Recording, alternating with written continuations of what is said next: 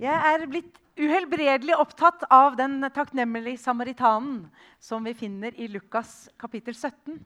Eh, og det artige er jo at det viser seg at de skal ha samme teksten på, eh, på søndagsskolen i dag. Og det visste vi ikke om, at vi skulle ha samme tekst. Eh, jeg leser for dere, og den kommer opp på skjermen her. På reisen til Jerusalem dro Jesus gjennom grenselandet mellom Samaria og Galilea. Da han i, han var på vei inn i en landsby, kom ti spedalske menn imot ham. De ble stående langt unna og ropte. 'Jesus, mester, ha barmhjertighet med oss.' Han så dem og sa, 'Gå og vis dere for prestene.' Og mens de var på vei dit, ble de rene. Men én av dem kom tilbake da han merket at han var blitt frisk. Han lovpriste Gud med høy røst, kastet seg ned for Jesu føtter med ansiktet mot jorden og takket ham. Denne mannen var en samaritan. Jesus sa, 'Ble ikke alle ti rene? Hvor er da de ni?' Var det ingen andre enn denne fremmede som vendte tilbake for å gi Gud æren. Og han sa til ham, 'Reis deg og gå. Din tro har frelst deg.'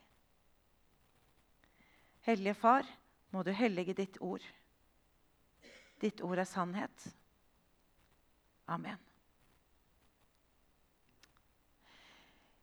Jesus er på misjonsreise.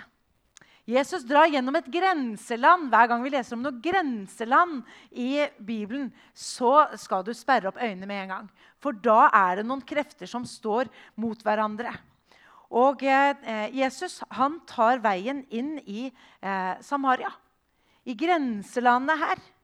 Og her bor samaritanerne, et blandingsfolk. Eh, opprinnelig fra Irak, Iran. Jeg har en, eh, en historie hvor, hvor, de har fått blandet eh, både jødisk tro og en fremmed tro i en sånn skjønn forening. Og de står i sterk kontrast til det jødiske folket. Og det at Jesus er på vei til Jerusalem, er jo en, en eh, avskyelig i seg selv for dem. Fordi at Den gudsdyrkelsen som er blant jødene, den vil ikke en samaritaner ha å gjøre med. Eh, og på samme måte er, For en jøde så er jo en samaritaner han er en vi ikke har med å gjøre. Han ønsker vi ikke å komme nær.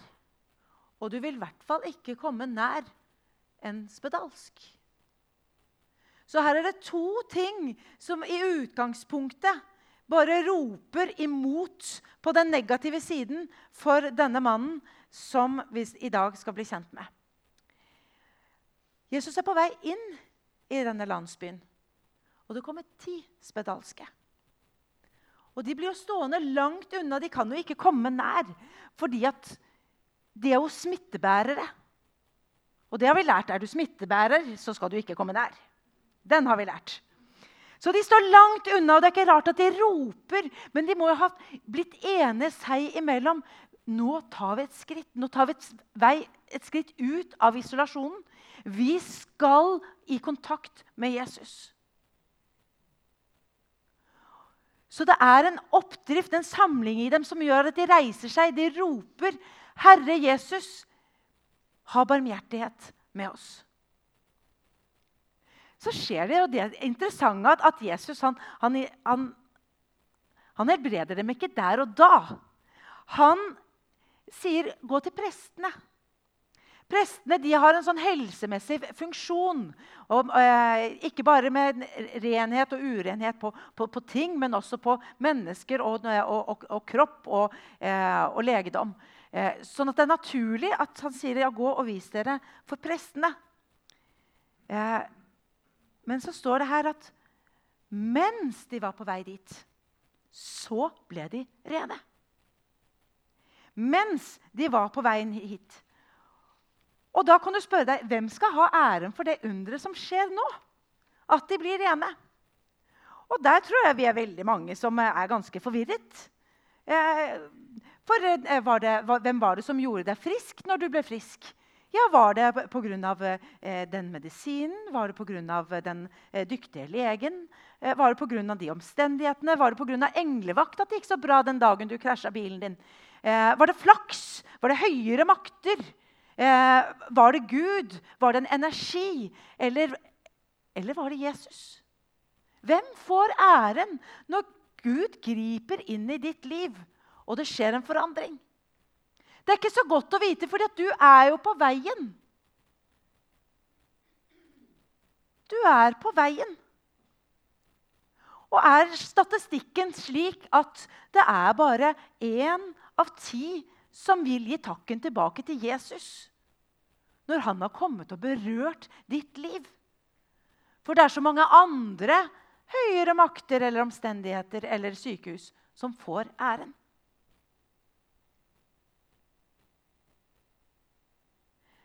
Men så skjer det en bevegelse i denne mannen.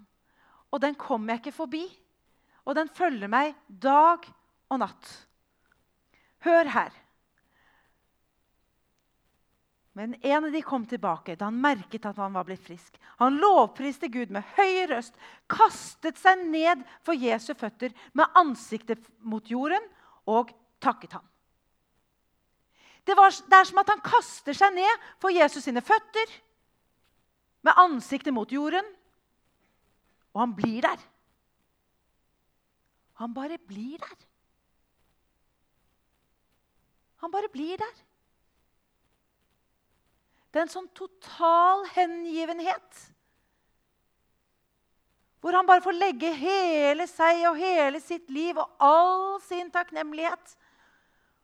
Og bare la den renne ned foran Jesus sine føtter skylle gjennom kroppen hans. Og han ligger på sitt ansikt. Og her får mannen denne, dette skjæringspunktet mellom sykdom og legedom. Mellom mørke og lys. Mellom fortiden hans og en helt ny framtid. Og han kaster seg ned på sitt hode, og han takker Jesus, og han blir der. Punktum. Det er et sånt punktum som stopper opp. Han bare ligger der. Og det er som at, at Jesus, han Han snakker jo ikke til mannen. Når Jesus fortsetter å snakke, så snakker han til noen andre. Og det ser ut som at mannen ikke får helt med seg hva Jesus sier, for han ligger i fullstendig hengivenhet til Jesus. Og her vil Jesus ha deg og meg. Her vil han ha deg og meg. Hvor du bare får skylle gjennom hele din kropp av all din takknemlighet, av all din smerte, av all din isolasjon som du har vært gjennom som syk. Alle dine problemer, la de bare øses ut på marka på, foran Jesu føtter, på ditt hode. Der hører du hjemme. Kanskje har du det litt sånn som meg, som snart skal begynne å bli 50 år. Eh, at du er litt våken på natten. Og så kanskje du skal ta en liten medisin, og så, og så, så er det en, en, tid hvor du ligger våken. I løpet av høsten så har jeg funnet inn i denne bibelteksten, og jeg bare legger meg på magen, på mitt hode, i sengen og sier, 'Jesus, jeg gir meg hen til deg'. Og Da finner jeg et sted hvor alt tankekjøret og all uroen og eh, frustrasjonen over ikke å sove den får lov å renne ut hos Jesus. Og så finner jeg en ny fred. Og så blir det et bilde for meg hvor han vil ha meg, også når dagen kommer. Det er akkurat som at han bruker den tida på natten der at vet du hva, Grete, da får jeg deg i ro. Da får jeg deg for meg selv. Så tar vi et par av samtalene våre her på natten. Så det er egentlig helt greit at jeg ligger våken. For det ville han ha meg til å sove hele natten, så da hadde han kanskje i større grad gjort det. Men vi har funnet en plass, han og jeg, hvor også natten får lov å tale inn i hva Jesus gjør i meg. Og jeg tror at mange av dere kunne fortalt lignende historier. For han kommer ikke bare på dagen, han kommer også på natten. Så er det et tidsperspektiv her.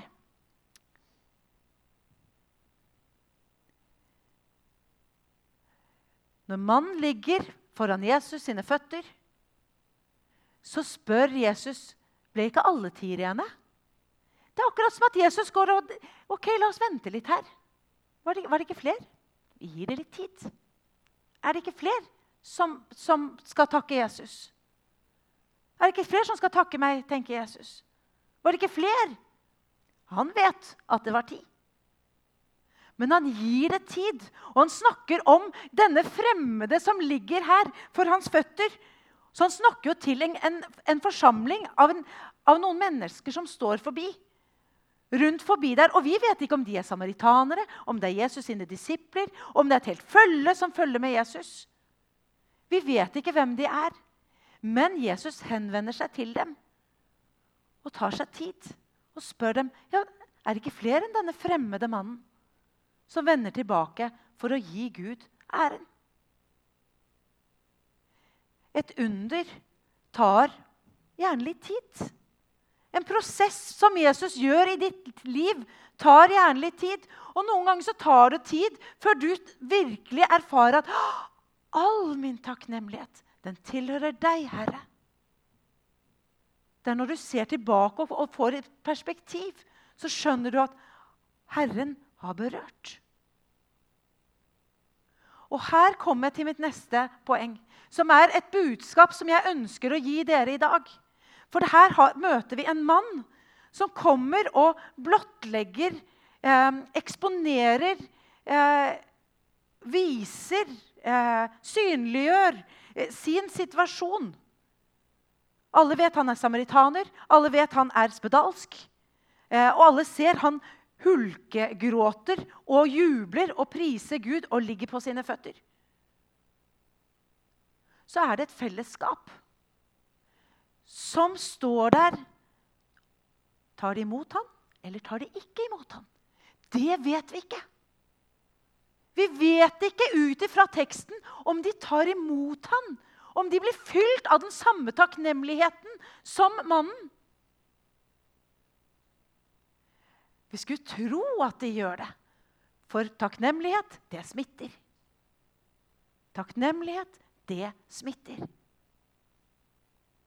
Men det er en utfordring til fellesskapet av å ta imot den ene mannen.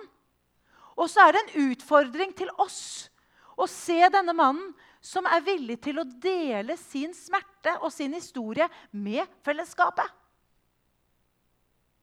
Ofte når vi leser en bibeltekst, så, så tenker vi vår, i, i, vår individualistiske verden at dette gjelder jo én person. Det gjelder kvinnen med blødninger. Hun blir helbredet. Det gjelder denne mannen, den spedalske. Han blir helbredet. Det gjelder den lamme mannen. Han blir helbredet.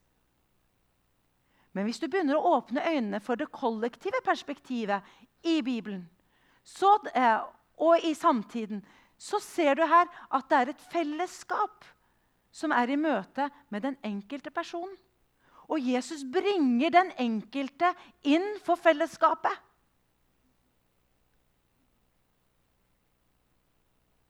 Og hvor er du? Får fellesskapet lov å få del i din smerte? Ikke at du skal stå her foran på plattformen og fortelle alle og enhver alt som skjer i ditt liv. Du skal ha dine grenser. Men likevel bringer du din smerte, din sykdom, din sorg inn i fellesskapet, sånn at fellesskapet skal få lov å berøre deg og at fellesskap skal få lov å få æren av å følge deg på veien, vise deg omsorg. Brynes i møte med din smerte og din bekymring. Vil jeg bli frisk? Vil jeg ikke? Jeg ba for en dame i en annen menighet for et par uker siden. Eh, jeg fikk et kunnskapsord. Eh, jeg sto ved siden av henne, det var vondt i en nakke, og, og dermed så var vi i gang i, i samtale og en bønn. Og så viser det seg at Hun har ikke fortalt dette til noen, bortsett fra til pastoren og til bønnelederen. Og hun har gitt dem munnkurv. Ingen skal vite at hun har blitt alvorlig syk og har en svulst på hjernen. Så derfor så bærer hun dette alene. Og hennes familie de bærer det alene. Tenåringsguttene bærer det alene. Dette snakkes ikke om. For hun ville ikke bry fellesskapet. Det kunne være at de ville bli litt bekymret over henne. Og hun ville jo ikke at de skal ha det vondt. Ser dere?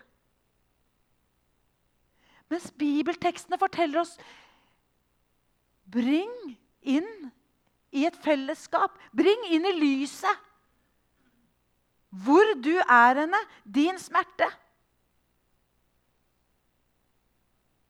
For det er her i skjæringspunktet mellom individ og fellesskap. Mellom den ene og Jesus og alle fellesskapets muligheter. Ikke bare Jesus sine muligheter, men fellesskapet sine muligheter. Det er her Jesus ønsker å forene oss sammen. Dere har vært i en tid hvor dere har hatt fellesskapet som tema. Og dere har vært i en bønneuke nå hvor bønn er tema. La dine bønnebegjær, som du går og bærer, ikke la de stoppe opp hos deg selv. Men del. For det er her vi ser at takknemligheten kommer inn. At fellesskapet får del i at wow, det var både ti og det var én som ble helbredet. Og så skjer det forvandlingen i fellesskapet som gjør at vi vokser som menighet. Jeg skal dele med dere nå den tyngste smerten og den største takknemligheten som Mangfred, min mann, og jeg bærer disse dagene. Og ja. For den 18. Den 18. september var vi ferdig med 'Velkommen hjem'. Og det var en av våre eritreiske studenter som hadde invitert sin kamerat med til sirkusteltet. Og kameraten hadde tatt med sine søsken. De er åtte søsken fra 22 år til 7 år. Vi kaller dem Team Kamerun. Team Kamerun bor i et hus de har bodd i to år. Eh, de har barnevernet som kommer og hjelper dem fordi at mamma er kreftsyk. Og det er derfor de har kommet til Norge. Far har vi aldri hørt om. Veldig tydelig at han er ikke. Vi, vi, vet, vi vet, ikke historien om far. Så døde hun på fredag kveld. Og da, her har eh, Mangfred fått lov å bruke sin hyrdegave eh, og sin, sitt pappahjerte i møte med denne søskenflokken med seks gutter og to jenter. Eh, vært med på sykehuset, besøkt eh, eh, eh mamma eh, Kamerun når hun kom over på, på sykehjemmet. reparert sykler, reparert oppvaskmaskinen. Eh, de har kommet til kirka og vært med på alle disse ungdomskveldene. Vi har aldri hatt ungdomskvelder før på fredager. Nå har vi det hver fredag kveld. Og det er det høyeste eh, og beste som alle ungdommene våre gjør. Og det kommer stadig nye til, og vi har et fellesskap å invitere inn i. Og her kommer også Team Kamerun. Så har vi fått lov å følge dem hele denne uka her. Så onsdag og torsdag før jeg reiste av gårde, så handlet det om å ta vare på denne søskenflokken. Vi trodde at mor skulle dø på, på onsdag. Og Mangfred er sammen med dem hele veien. Å få lov å dele deres smerte. Å få lov å bli tatt imot inn i dette fellesskapet av disse søsknene. Akkurat i overgangen, sånn at vi får møte mor. Og, og dra denne Team Kamerun-gjengen inn i vårt fellesskap, hvor vi bare, både har etiopere, eritreere og nordmenn og de øvrige. Vi har voksne, vi har barn, vi har ungdom. Til å ta imot og favne denne gjengen. Og de vil jo trenge middag på bordet og all verdens. Men vi er et fellesskap som kan ta imot. Og barnevernsdama, som er eh, fra, fra, fra, Kongo, hun brukte tre anledninger på onsdag til å fortelle om hennes takknemlighet som hun hadde delt med mamma Kamerun, om hvor stort det var at vi var kommet inn i livet deres. Misjonskirka. slik at vi kunne være med og ta vare på familien hennes når hun skulle dø. Gud binder mennesket sammen. Gud binder mennesket sammen, og han binder enkeltpersoner inn i fellesskapet. Og gå ikke glipp av den velsignelsen! Gå ikke glipp av det! Fordi det er en takknemlighet som skal få lov å stige opp til Gud, og hvor vi skal få lov å bære hverandres byrder. Og vi skal kjempe kampene sammen, for det er vi kalt til. Når ett lem lider, så lider alle med. Se til at du er et lidende lem på Kristi kropp. Og se til at du er et bærende lem på Kristi kropp. For du er kalt til begge deler. Dette er mitt budskap til dere i dag. Dette er mitt budskap.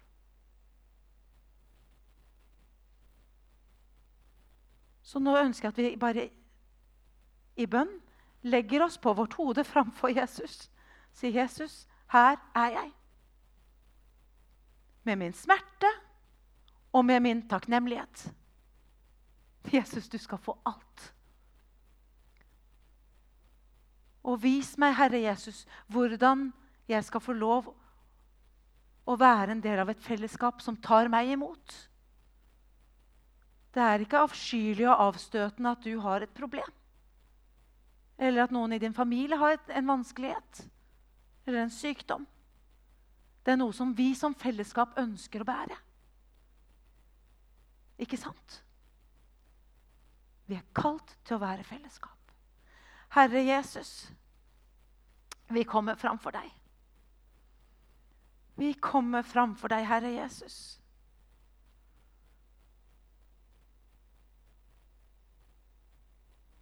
Og vi takker deg at du er en kilde til liv.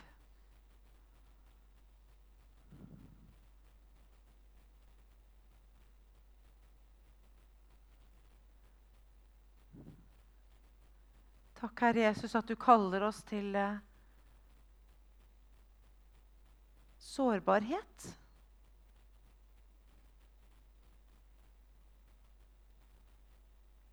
I møte med deg og i møte med hverandre. For i det, dette sårbare landskapet så skal vi få lov å bære hverandre. Og fellesskapet skal styrkes, og takknemligheten skal stige opp til deg, Herre Jesus. Så vi takker deg sammen for hva du gjør. Takk, Herre Jesus, for, for hva du gjør i hver enkelt sitt liv. La det bare bølge gjennom en, en, en bølge, en vind. Et nærvær nå, Herre Jesus, av takknemlighet som skal få lov å stige opp til deg for alt hva du har gjort, og hva du gjør i hver enkelt sitt liv av oss som er her nå.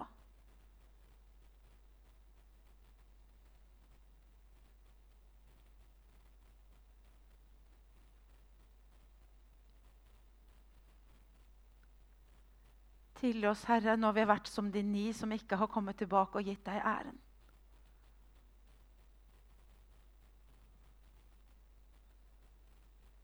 Tilgi oss når vi har blitt værende i vårt eget. Og tilgi oss når vi som fellesskap ikke har sett den enkelte.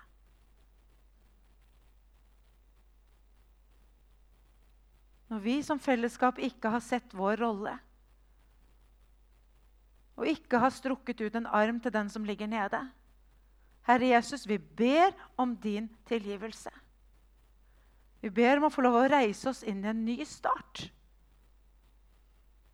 Slik som du løftet denne mannen opp. du sa, 'Reis deg, din tro har frelst deg'.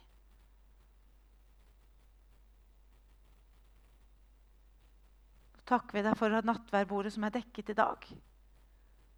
Med fellesskap. Og hvor vi skal få legge vår synd og vår smerte over på deg, Herre Jesus. Så rens oss.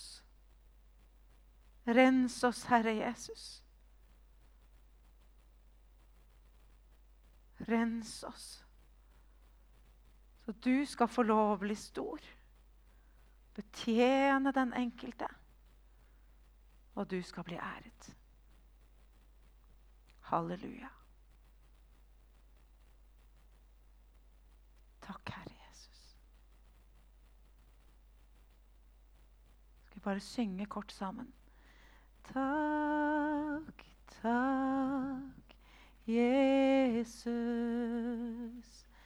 Takk, takk, Jesus.